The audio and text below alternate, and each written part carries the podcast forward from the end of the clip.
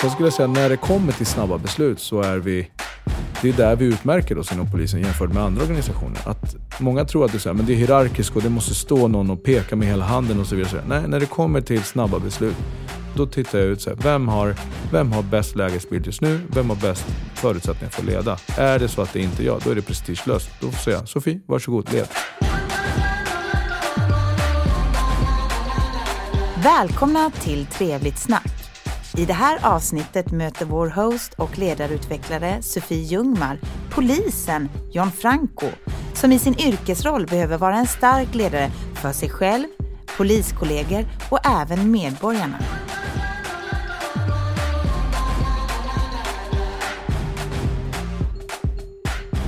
Vi börjar med trevligt eller otrevligt. Kör bara. Om jag säger Leif GW Persson, trevlig eller otrevlig? Varken det ena eller det andra. Snabbmat, Trevligt. 9 till 5 jobb. Ja, ja. Beror på när i livet, men det är trevligt. Just nu, Just nu är trevligt. Varmt välkommen hit till Trehuset, John Franco. Vi satsar ju mycket på ledarskapet här på Tre och vill bli ännu bättre. Vi tror att vi kan bli det genom att lära av andra professioner. Och du är polis. Och när vi började prata om vilka vi vill intervjua till den här podden så kom polisyrket upp snabbt. Jag tänker att det handlar om att få med sig andra människor på olika sätt. Och det är ledarskap. John, du är inte bara polis i Sverige utan just nu i Colombia. Så varmt välkommen hit till Sverige. Berätta lite, vad gör du i Colombia som polis? Jag har ett superspännande uppdrag med att hjälpa colombiansk polis i ett internationellt biståndsutvecklingssamarbete, långt ord. Där vi hjälper dem med att utveckla till exempel jämställdhetsfrågor, operativa brottsförebyggande arbete och utbildning. Vi vill ju att colombiansk polis ska bli bättre utbildad så att de kan bättre svara mot dem, den problematiken som det landet har just nu. Det dör tre, fyra poliser i veckan. Så vi tror verkligen att vi kan göra enormt skillnad för polisen om vi kan bidra till att de blir bättre rustade för det de bemöts utav. Hur länge har du varit där? Jag har varit där sedan eh, november 2019. Och vad har du tagit med dig hittills? Så här, det, det är så annorlunda, för som jag nämnde precis, det dör tre till fyra poliser i veckan i Colombia. Och man blir medveten om, om yrkets eh, allvar, om, om de svårigheterna som, som man förväntas bemöta i sitt polisyrke. Nu, är ju, nu går det inte att jämföra Sverige och Colombia på samma sätt, men det är fortfarande ett riskfyllt yrke även i Sverige. Så att jag tar med mig det här liksom reflektioner kring, kring hur vi ibland tar vardagen på bara som något som bara sker och inte riktigt uppskattar den. Ja, det här är jag jättenyfiken att prata mer om med dig idag. När det kommer till just det här äh, att skapa trygghet och att leda människor i ett yrke som faktiskt kan handla om liv och död. Även om vi idag kommer fokusera på polisyrket i Sverige. Jag vet att samtalet är viktigt för dig i ditt ledarskap. Vad tänker du kring samtalet som verktyg? Jag tänker att samtalet är det viktigaste verktyget. Alltså det är där du kan se, höra, känna av, stämma av med en kollega. Skrivna, skriven kommunikation kan aldrig ersätta det som samtalet kan ge. Vilka andra kompetenser tycker du är viktiga i ledarrollen? Lyhördhet. Förmågan att kommunicera och vara tydlig. Skulle jag säga är, är en bra kombination. Är du lyhörd och kan se och förstå och känna och, och liksom ta in hur dina medarbetare mår och vad de känner och vilka hinder de upplever att de har framför sig. Men samtidigt är du, är du tydlig i din kommunikation om hur vi ska leda arbetet, eller hur du ska leda arbetet eller tillsammans leda arbetet för att nå uppsatta mål. Så tror jag att det blir en bra kombination. Sen skulle man behöva ha massvis med andra färdigheter, men jag skulle säga att det är de två stycken som jag, som jag värderar högst, i alla fall i mitt yrke. När vi pratar ledarskap så pratar vi mycket om att det handlar om att skapa trygghet i en grupp och trygghet gentemot sin ledare eller sin chef. Det gör vi för att alla ska må bra, våga utmana sig själv och varandra och nå riktigt bra resultat. Och när jag tänker på polisyrket så blir det en nivå till av det här. För att det faktiskt också handlar om att känna att jag inte är rädd. Att jag vågar göra mitt jobb och att jag vet att ja, men min chef har min rygg och jag har kollegor som stöttar upp om det skulle hända någonting. Hur jobbar ni med att skapa trygghet i gruppen? Jag skulle säga att det finns olika delar i det. Alltså det finns en trygghet som kommer av färdighetsträning, att öva i liknande situationer. Sen finns det trygghet som, som kanske inte har så mycket med det här farliga att göra eller de, de situationerna som, som är riskfyllda. Utan trygghet att kunna lita på varandra så som individer i en grupp. Och här menar jag på att som, som chef så behöver man vara tydlig med vilken sorts stämning eller jargong man vill ha i gruppen. Hur vi ska jobba med att få tillit till varandra. Jag tänker att den första tiden som chef, om jag kommer till en ny grupp och, och ska vara deras nya chef, så gäller det att jag avsätter tid inledningsvis för att förklara så här, vilken synsätt har jag på den här gruppen och hur jag vill leda gruppen och hur vill jag skapa trygghet. En, en sak som jag är väldigt tydlig med det är att förutom de liksom vardagsuppdragen som polis, alltså målsättningar med polisyrket och, eller Polismyndigheten har, så menar jag på att jag, jag vill alltid vara tydlig med vilka uppdrag har vi tillsammans inom gruppen? Alltså mitt, mitt uppdrag ja. eller min roll som chef är att underlätta för mina medarbetare och då vill jag också vara tydlig med att jag ser det på det sättet att medarbetarens roll är att underlätta för mig som chef. Så det är, liksom, det är ett samspel som måste mm. fungera mellan båda våra, våra ledare, om man säger så, eller, eller i synergi i mm. vår grupp. För att om, om människor har en bild av att säga, nej, men chefen kommer bara för att bestämma saker och ting. Då, då finns en risk att människor tänker sig, ah, ja, det är bara att göra saker och ting som chefen säger. Men ja. Om människor får en bild av att min chef kommer för att underlätta för mig. Jag har ett uppdrag, jag är anställd för att göra detta. Chefen kommer nu för att underlätta för mig och förstår det. Då tror jag nog att man får det tiofaldigt tillbaka. Att när det väl uppstår någonting som jag själv har problem med. Till exempel nu kommer jag ner till kontoret eller jag kommer till gruppen och säger jag behöver stöd med det här. Då tror jag nog att någon kommer i större utsträckning räcka upp handen och säga men det är lugnt, jag fixar det. Just det, och inte som chef tänka att jag måste ha den här planen, jag behöver ha en lösning redan och det är den jag ska presentera för gruppen, utan snarare att vi tar fram det där tillsammans. Ja men precis, det kollektiva, de kollektiva färdigheterna måste man arbeta med hela tiden. Att, att tro att man som chef ska ha en färdig plan och allt ska vara liksom, det ska vara en blueprint där allt ska vara färdigritat och sen kommer man att presentera den här fantastiska idén. Mm. Jag tror att det, det, finns en risk för att eh, det inte riktigt alltid landar rätt. Vissa människor kanske fungerar jättebra med så, under sådana förutsättningar. Men jag skulle säga att i ledarskapet som krävs idag så fordras det att man är mycket mera sammanhållande mm. och att man är mycket, mycket mer involverande. Mm. För att skapa engagemang. För att skapa synergi mm. och engagemang mm. och, och nå målsättningarna tillsammans. Det blir roligare. Hur jobbar ni praktiskt med det här? För jag tänker att i vissa situationer hos er så har ni ändå inte tid att teoretiskt kanske gå igenom hur en grupp fungerar och så vidare. När det väl gäller så behöver ni verkligen ha den här tryggheten och starka gruppen. Hur gör ni praktiskt för att skapa det? Så ska jag säga, för att skapa den här starka gruppen med trygghet, det är, liksom, det är ett långsiktigt arbete som aldrig kommer att sluta. Det måste fortsätta hela tiden. Men när det kommer till situationer där nu gäller det liksom att, vi, att vi samarbetar. Nu, nu, nu, har vi liksom, nu har vi ett hot, ska jag säga, eller en risk som kommer liksom emot oss, vare sig vi vill det eller inte. Då gäller det att man ett, ett, att det finns något uttalat ledarskap. Då. Alltså en chef eller ledare som ser risken, hotbilden och som förstår att så här, ungefär på det här sättet så måste vi agera för att göra det. Det finns inte tid för diskussioner, det finns inte tid för att ta, samla in den, den kollektiva färdigheten eller kollektiva kunskapen, intelligensen. Och då är det bara att peka ut en riktning och säga att vi börjar röra oss ditåt. Jag, ett exempel, om A plus B är lika med C så är det jättetrevligt att kunna prata om vad A plus B är för att komma till C. Men i en sån här situation så är det väldigt tydligt att vi behöver förstå vad C är ungefär. Ja. Och då måste vi peka riktning. Allihopa, nu kommer det här att hända. Nu är det C som gäller. Vi börjar med det här. Och längs med vägen så kommer vi fram till vad A plus B är för mm. något.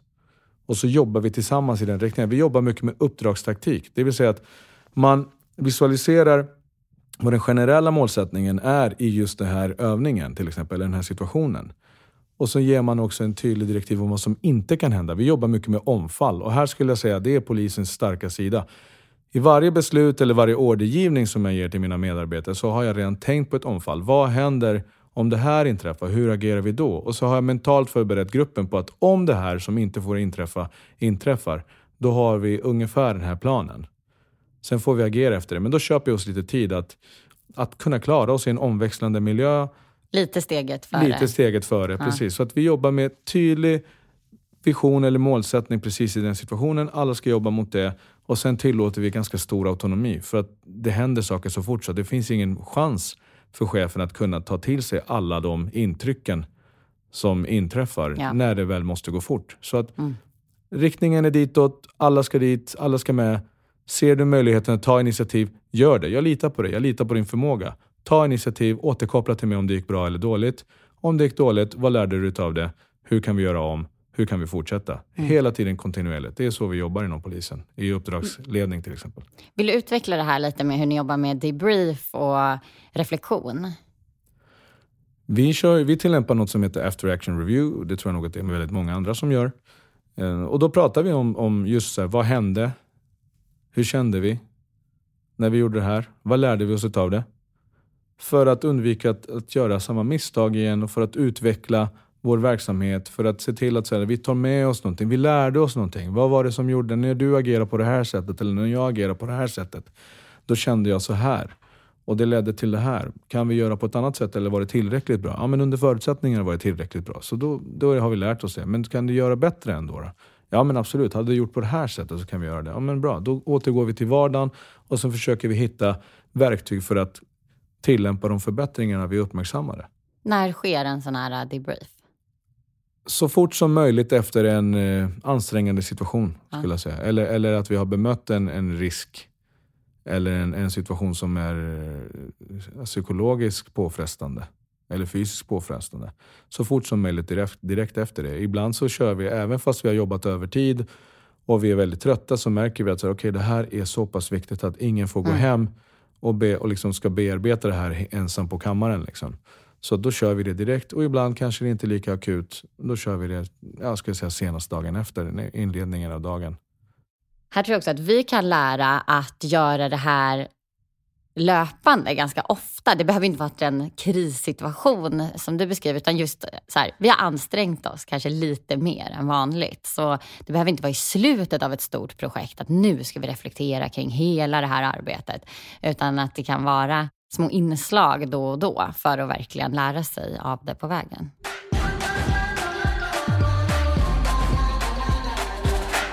Många gånger så måste ni ta väldigt snabba beslut. Vem är det som, som tar de besluten? Och hur jobbar ni med att man kanske inte alltid känner för det beslutet som är taget? För att ta er till C så kanske jag vill springa vänster och du vill springa höger. Hur jobbar ni med att få med alla på samma väg? Vi jobbar, återigen, vi återkommer till, till uppdragstaktiken. Vi, har no, vi brukar säga att bäst lägesbild leder. Det innebär att om vi är här i en grupp, Sofie, du och jag, vi är en grupp och jag är chef och tanken är att jag ska ha bäst lägesbild. Men av någon anledning så är det du som har bäst lägesbild just nu inför det vi kommer bemötas utav. Då måste jag som chef förstå att just nu är det du som är bäst lämpad att leda. Och då får du faktiskt ta ett beslut. Du har den, vi tillämpar autonomi. Återigen, vi är väldigt autonoma. Vi försöker skapa poliser som är tänkande, som förstår hur de bäst når målsättningen utan att vi måste ge dem liksom en, en färdig ram hela tiden eller liksom en, en utstakad väg. Så att när det kommer till snabba beslut så är det bäst lägesbild som leder. Så fort det är så att det finns en möjlighet att, liksom att du kan ge mig feedback på vad som har hänt och varför Ja. du fattar beslut. Och det är fortfarande jag som är ansvarig eftersom vi är en hierarkisk organisation. Ja, men då övertar jag ledningen Mm. när jag känner att så här, men nu har vi hittat liksom en liten lucka där jag kan överta ledningen. Ja. Och där kan jag utvärdera om det var så att de, dina inledande första beslut var tillräckligt bra eller de var bäst eller inte alls så bra och jag behöver omdirigera. Men jag kommer aldrig klandra dig för att du tog ett inte så bra beslut. Utan du ledde utifrån den lägesbilden du hade, du ledde utifrån den kompetensen du Just har det. och den erfarenheten du har. Jag hade kanske fattat ett annat beslut, men då kanske jag också har ett annat en annan erfarenhetsbank eller andra kompetenser eller liknande. Eller annan information som du vid tillfället inte hade. Så jag skulle säga när det kommer till snabba beslut så är vi det är där vi utmärker oss inom polisen jämfört med andra organisationer. Att många tror att det är, så här, men det är hierarkiskt och det måste stå någon och peka med hela handen och så vidare. Nej, när det kommer till snabba beslut, då tittar jag ut så här, vem har, vem har bäst lägesbild just nu? Vem har bäst förutsättningar för att leda? Är det så att det inte är jag, då är det prestigelöst. Då säger jag Sofie, varsågod, led. Och hur jobbar ni med att eh, alla ska stå bakom det här beslutet och vara som en enad front? Jag lärde mig någonting under en ledarskapsutbildning. Det är att vi, vi har en tanke, många har en tanke om att den bästa chefen är den som fattar bästa besluten. Och Så behöver det inte alltid vara. Utan vi pratar om att en bra chef är den som konsekvent undviker att fatta dåliga beslut. Ah. Och så hur pass bra kvalitet det är på besluten, det kan variera. Det beror på, på, beroende på tidsåtgång, mm. förberedelse, kunskap, erfarenhet. Men undviker man att fatta dåliga beslut, då blir besluten jättebra, eller bra eller hyfsat bra. Och det räcker. Ja. Det räcker för att komma vidare till nästa steg i stressiga situationer. Och antagligen blir de bättre och bättre ju bättre vi blir på att reflektera och utvärdera Exakt. det vi just gick igenom. Då blir man bättre. Vi skapar bättre chefer genom att ge dem förtroende. Vi skapar bättre chefer genom att som medarbetare inse att min uppgift, förutom liksom min specifika arbetsuppgift, det är faktiskt att stötta min chef. Ja, fan, det var bra. Ja men, ja, men fan, jag kunde ha fattat ett bättre beslut. Ja, det kunde du, men det var tillräckligt bra beslut. Fan, mm. Vi körde på och vi lyckades. Mm. Skitbra. Mm. Du har haft lite olika roller inom polisen och nu beskriver du en roll där du leder andra poliser. Eh, kan inte du berätta lite om vilka olika roller du haft inom polisyrket? Jag har jobbat mycket med det brottsförebyggande arbete inriktat till ungdomar. Eh, när jag började jobba som polis. Jag har varit gruppchef för närpolisverksamhet. Eh, jag har ansvarat för brottsförebyggande arbete i innerstan. Sen har jag jobbat som gruppchef för en spaningsgrupp. Och nu jobbar jag som Senior Law Enforcement Advisor i Colombia. Då. Och då jobbar jag på strategisk nivå med hela colombianska polismyndigheten. Det är 170 000 medarbetare. Så att, att vända på det skeppet, det är en enorm utmaning och det tror jag inte att jag kommer lyckas med. Men jag kanske kan få en liten riktningsförändring. Och då är jag, väldigt, då är jag mer än nöjd med det jag har åstadkommit. Och faktum är att vi kommer få en riktigt bra riktningsförändring. Snart mm. så kommer det komma ut en eh, jämställdhetspolicy wow. inom colombiansk polis som de inte hade förut. Och som kommer lägga liksom riktlinjerna för all framtid för hur colombiansk polis ska jobba med jämställdhet. Så att eh, ah, det, är en fantastisk, det är ett fantastiskt arbete som, som jag får möjlighet att, att vara med om. Om vi blickar in i de här olika rollerna du har haft som eh, polis. Om vi börjar titta på när du själv var i yttre tjänst. Hur arbetade du med ledarskapet då? När man inte har en utsedd ledarskapsroll får man ju alltid jobba med sig själv och försöka förstå ledningsstrukturen, ledningsperspektiven, de visioner, vad är för målsättningar vi har, generella målsättningar. Och redan då så var jag väldigt inne på att hur stöttar jag min chef? Jag märkte att det fanns kollegor som kanske inte tyckte om chefen lika mycket och ibland kanske undvek att göra vissa saker som borde ha gjorts bara för att man inte tyckte om chefen så mycket eller tyckte dåligt om chefen eller vad mm. det kan vara. Och då tänkte jag, men det hjälper ju inte gruppen. Det hjälper inte vårt generella uppdrag att bete sig på det sättet. Så redan då så insåg jag att så ja, precis som jag i framtiden om jag skulle bli chef skulle ha massa brister och styrkor så har min nuvarande chef brister och styrkor. Och då gäller det att stötta upp kring de, kring de utvecklingspotentialen istället. Så det var en stor en period där jag reflekterade över medarbetarskapet. Alltså ledarskap utifrån ett medarbetarskap. Just det. Vilket jag tyckte var väldigt intressant. Mm. Och då gäller det också att få med sig folk på banan. Alltså ska vi fokusera på det negativa runt omkring oss så ska vi fokusera på det positiva runt omkring oss. Och faktiskt det, den dådkraften vi har i den här gruppen. Vad kan vi som grupp åstadkomma? Och lyfta fram det istället. Jag tänker att det också handlar om att leda medborgare, eller de personer som du träffar på i ditt yrke som polis. Hur leder du personer du träffar på i ditt yrke som inte är poliser? Det här är en rätt spännande fråga, för som polis så har man ändå viss, liksom, man har våldsmonopol. Man har åtgärder som man har lag, laglig rätt att genomföra mot en människa eller tvinga en människa att göra.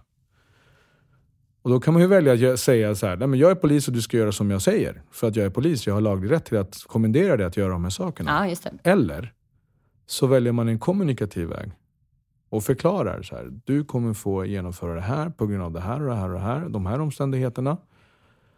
Och du har valet då att göra det självmant. Jag vill inte hamna i den situationen att jag behöver tvinga dig till att göra något. Utan hoppas att du faktiskt genomför det här självmant. Mm. Vilket då underlättar situationen för dig, men också för mig. Så när man lägger fram saker och ting på det sättet så är människor i större utsträckning benägna att faktiskt följa instruktioner. De förstår att vi är poliser, de förstår att vi har laglig rätt. Just det, så även här berättar du om varför ja. och får till det här samtalet. Hela tiden förståelse. I vissa områden finns det motsättningar från medborgarna gentemot polisen och framförallt ungdomar. Och jag, min erfarenhet är att de polisområden som arbetar med ett sånt här kommunikativt förhållningssätt, vilket alla gör eller eftersträvar att göra, men vissa mer och vissa mindre. De som jobbar mer med ett kommunikativt förhållningssätt i de här typerna av situationer, de poliserna får inte stenar kastade på sig. Jag har ju fått äran att prata ledarskap med dig några gånger tidigare och tycker att det är väldigt härligt för att du har reflekterat väldigt mycket kring ditt ledarskap. Var tror du att det här kommer ifrån? Var kommer ditt intresse för ledarskapet och människorna ifrån? Jag tror att till att börja med så idrotten. Att få ihop ah. ett lag och vinna som ett lag och lära sig att förlora som ett lag. Jag brukar till och med säga när jag är baskettränare eller fotbollstränare, så här, det är nästan viktigt att lära sig att vinna som ett lag. Mm. Uh, för att förlora som ett lag, det, det lär man sig. Men att vinna, så här, vad innebär en vinst? Vad, vad, vad har vi gjort? Alltså, lär, dra lärdomar av det. Mm. Dra inte bara lärdomar av, av liksom en förlust, utan dra, vad gjorde vi rätt? Hur ska vi bete oss mot motståndarna? Om man då lägger ihop det här, om man då kopplar det här till arbetet. Om vi är ett team, om vi är en grupp och jag är lagledare eller tränare eller lagkapten eller chef. Hur ska jag då se till att det du är bra på Sofie och det jag är bra på och det Anders är bra på och det, och det Camilla är bra på. Hur ska vi synka ihop de här sakerna? Du har styrkor som jag kanske inte har, men det kompletterar mig. Mm. Det här låter så klyschigt, men för min, i min värld är det så. Det bara är så. Det, vi måste, jag som chef, min roll är att underlätta för er att bli era bästa individer i den här gruppen. Eller få ut era förutsättningar eller färdigheter på bästa sätt i det här arbetet som vi gör. Så att jag tror att en av mina starkare sidor är just förmågan att vara pedagogisk, konkret och kring vad som förväntas och, och hur det kommer gå tillväga. Ja, hur jobbar ni med att eh, förstå sina egna kompetenser och styrkor och svagheter och inte minst varandras? Jag tror att polisyrket är så flexibel. Det kräver, alltså i ena stunden så åker du på ett arbete och eh, för att i andra stunden åka på något helt annorlunda. Ja.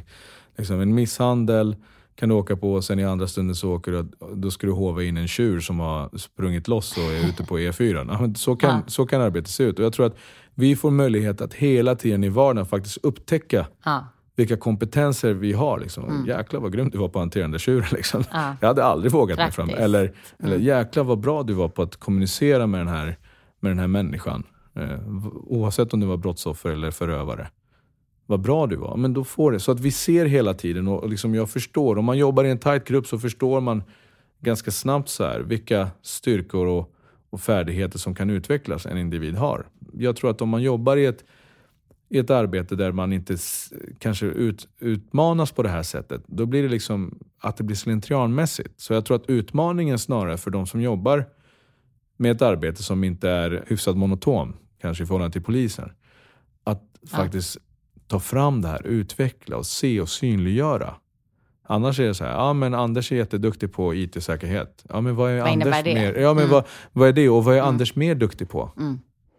Verkligen. Och då handlar det ju ofta först om att förstå sina egna och förstå mm. vad är jag bra på och vad vill jag utveckla eller behöver utveckla i min roll beroende på hur den ska utvecklas framåt. Och sen också att prata om det i gruppen. Vilka kompetenser behöver vi i gruppen? Finns de? Är det någonting vi behöver komplettera med? Och den här personen visar sig vara jätteduktig på varför nyttjar vi inte det? Varför lär vi inte mm. av den? Där tror jag att det finns jättemycket man kan jobba med. Vi pratar om den mentala förberedelseprocessen. Ja. Och där, där pratar man om att man ska liksom lära känna sig själv. Mm. Man ska förstå alltså dagsformen. Det är så här, jag kan säga att jag är duktig på det här 364 dagar om året. Men just ikväll, så är, eller just idag, är jag inte bra på det här på grund av detta, detta, detta. Så att man är duktig på någonting betyder inte att man är alltid duktig på något. Utan det handlar mycket om dagsform. Men sen, också, sen pratar vi också om så här, förberedelser i patrull, förberedelser inför en grupp, förberedelser inför ett uppdrag. Så jag tror att vi jobbar mycket med förberedelser eftersom vi jobbar också med omfall som jag nämnde. Då måste jag ju tänka, så innan jag ger en order så måste jag ge något alternativ. Så jag säger ah. sällan, när jag är i Colombia så pratar vi om det här jättemycket. Om, om, jag, om du är min medarbetare och säger att jag skickar dig på ett uppdrag. Du ska till apoteket och hämta något till mig för jag har ont i huvudet. Och så säger jag, ja men hämta en Alvedon. I Colombia är det lite svårt med det här med autonomi. Då går du till apoteket och så säger du så här, ja men Alvedon. Nej det finns inget Alvedon. Då måste du komma tillbaks till mig och säga så här, ja men det fanns inget Alvedon. Vad vill du att jag ska göra istället? Ja men eh, Ibuprofen. Mm. Och så måste du gå tillbaka. Här, här förlorar mm. vi resurs, mm. effektivitet. Mm. Och då brukar jag ta det här exemplet så här. Inom polisen i Sverige så brukar jag, vi ger en order, men sen ger vi också ett alternativ i de flesta lägen. Det vill säga så här, hämta en Alvedon alternativt något som innehåller paracetamol eller ibuprofen. Mm. Så när du kommer till apoteket och det finns ingen Alvedon, men då kan du ställa frågan, finns det något annat med ibuprofen eller paracetamol? Och då tar du det beslutet där och yeah. då. Så att vi jobbar mycket med omfall. Och för att kunna jobba med omfall och se till att man landar rätt ungefär i vad omfallet blir då. Då måste du ha en förberedelseprocess. Där du mm. tänker så, okej, okay, vad, vad är mest troligt händer? Vad är mest troliga omfallet? Vad är det värsta som kan hända? Hur kan jag förbereda mig på det värsta? Men ungefär så här, jag har inte mer resurser än det här. Mm. Okej, okay, men om det skulle inträffa, då kan jag initiärt agera på det här sättet. Så jag tror att den mentala processen hos oss pågår mm. ständigt hela tiden inför varje uppdrag. Och det gör också att vi, vi reflekterar mycket kring mina begränsningar och mina styrkor. Ja, jättespännande det här med omfall och både hur man kan göra det ganska kortsiktigt här och nu i de små uppdragen men också på långsiktigt och mer scenarioplanering och mm vad väntar runt hörnet eller i framtiden. Jag är nyfiken på vilka kompetenser som är viktigast i de olika roller du haft inom polisen. Vi har pratat eh, en del om eh, din roll i yttre tjänst. Men din roll som eh, gruppchef, vad är det viktigaste där när det kommer till ledarskapet? Förmågan att synka ihop gruppen. Att tydliggöra målsättningar, men synka ihop gruppen så att, vi, så att man får ut det mesta utav gruppen och att framförallt att gruppen förstår att de måste stötta varandra. Det är, det är en synergi, det är en symbios som alla gruppmedlemmarna ska fungera i. Det skulle jag säga är den stora utmaningen och framförallt om man lyckas med det så blir det så himla roligt att vara gruppchef. Har du några konkreta exempel på hur du jobbar med det? Förutom att förtydliga målsättning och uppdrag. Jag skulle säga att det viktigaste är faktiskt att se individerna i gruppen.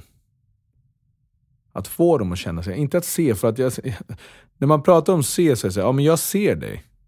Du, du förstår att jag ser dig, men känner du dig sedd? Mm, att det visa det. Mm. Ja. Så att, att visa att, att jag ser. Hur kan man göra det? Enskild tid. Ja. Kan jag säga. Alltså, lunchen är en fantastisk verktyg. Ah. Käka, säg så, du idag, du och jag, vi käkar tillsammans idag. Annars så kanske man sitter tillsammans i grupp och pratar och så pratar man om allt möjligt. Men, men om jag och du Sofie, om vi går och käkar idag.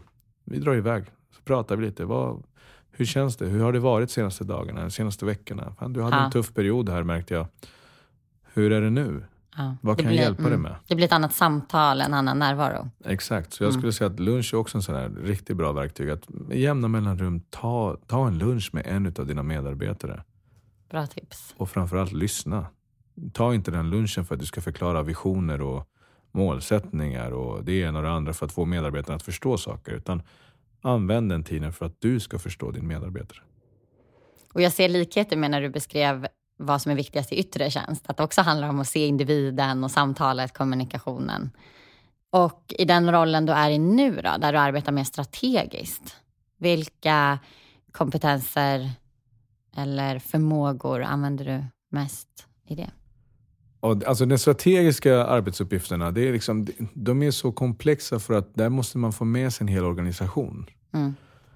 Jag ska säga ett, glöm aldrig att det är människor du hanterar. Det är rätt lätt att det blir siffror eller att det blir någon sorts liksom, organisationskiss som man bara ser framför sig. Så glöm inte att det är människor du, du hanterar. Och det andra är att förståelse för organisationens tröghet. Mm. Det är inte, alltså, när, jag, när jag pratar om strategiskt ledarskap i Colombia, då brukar jag ställa frågor så här. Är det någon här som har försökt sluta röka någon gång? Ja, då är det Mm. någon som räcker upp handen. Och jag säger, hur är det? Är det lätt eller svårt? Ja, det har varit sjukt svårt. Bra. Brukar säga, om det är svårt för en enskild individ att ändra en ovana, Mm. då kan ni förstå hur det kommer bli att ändra 170 000 människors Ja. beteende. Mm. Vad hämtar du inspiration till ditt ledarskap? Vilka andra ledare inspireras du av? Inspiration till mitt ledarskap, det hämtar jag från vänner faktiskt. Till att börja med så börjar jag i närmaste kretsen. Så här, vilka i min umgängeskrets har kvaliteter som jag skulle ge- vilja förbättra eller Mm. vilja förbättra hos mig själv snarare Mm. sagt. Så att jag liksom förstår, kan sätta mig lite mer i hur de tänker. Så där hittar jag mycket inspiration. Av mina roliga, tokiga, modiga vänner. Härligt. Men sen har jag också förebilder alltså, som är kända förebilder. Och Ja. jag skulle säga att min starkaste förebild det är Nelson Mandela. Mm. Jag kan inte ta in hur en människa kan ha suttit inne i 27 år i ett fängelse Mm. och fortfarande inte ge upp det som personen trodde på. Bli terroriststämplad i större delen av världen och det ena och det andra. Och efter 27 år ändå fortsätta hålla fast vid en, en ideal. Mm. Så det för mig är styrka. Ett exempel på en inspirerande ledare. Jag tänkte nämna några andra ledare och höra din reaktion när du hör deras namn. Om jag säger Karin Götblad. Grym. Berätta mer. Hennes bakgrund som eh, ensamstående mamma, förskolepedagog, till att bli jurist, till att bli polischef. Och faktiskt jobba väldigt mycket för det hon trodde på fastän hon hade en hel del människor hög, högt i hierarkin emot sig. Stort eloge till, till hennes kämparanda och hennes glöd. Om jag säger Martin Beck. Jag skulle säga att det är en, det är en eh, chefsroll som, eller en ledarroll som många ställs inför i sin vardag. Och mm, om man tittar på serier så märker man att det finns liksom mycket gott att hämta där. Liksom. Det är relationer människor emellan, press från högre chefer, viljan att, att göra något bra.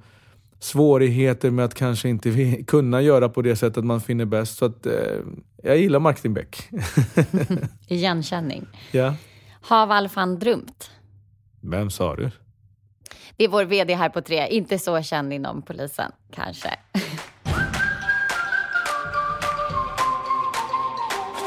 Vi har en lyssnarfråga till dig, John.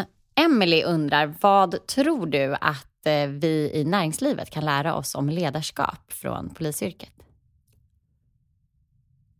Jag skulle säga det här med omfallsplanering.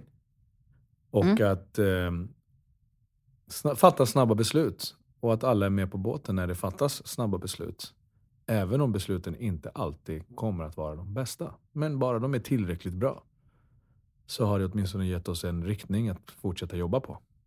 Vår insatsledning. Alltså vi, vi är flexibla. Vi måste vara med på att all, vad som helst kan hända. Då måste vår insatsledning vara flexibel och vara beredd på de eventuella omfall. Så det tror jag nog att näringslivet skulle kunna lära sig av väldigt mycket. Mm. Om du skulle uppmuntra våra lyssnare att göra mer av en sak efter att de har lyssnat idag, vad skulle det vara? Försöka få sina medarbetare att känna sig sedda. Bra tips. Jag är jätteglad att ha fått höra dina tankar och reflektioner om ledarskap. Och jag tror att vi i näringslivet kan lära oss jättemycket, inte minst när det kommer till att lägga tid på reflektion och att bygga relationer. För vi har faktiskt mer tid än vad vi ibland tror. Tusen tack att du ville komma hit till oss i Trehuset i Sverige och dela dina tankar om ledarskap, John. Tack så mycket för att jag fick komma hit. Har du valt en eh, avslutande låt? Ja, och eh, låten jag har valt den heter Kalma. Det är en låt med karibiska toner Mm. som handlar om att man ska ta det lugnt, varva ner. Njuta av brisen, höra svallvågorna slå mot stranden. Och ibland så är man stressad, man är uppe i varv och man tänker herregud hur ska jag få det här? Och så stressar man upp sig själv. Och ibland är det bara lite Mm. kalma som behövs. Det låter fantastiskt. Tack John, tack alla ni som lyssnat. Ta det lugnt. Vamos pa la playa, pa curarte el alma. Cierra la pantalla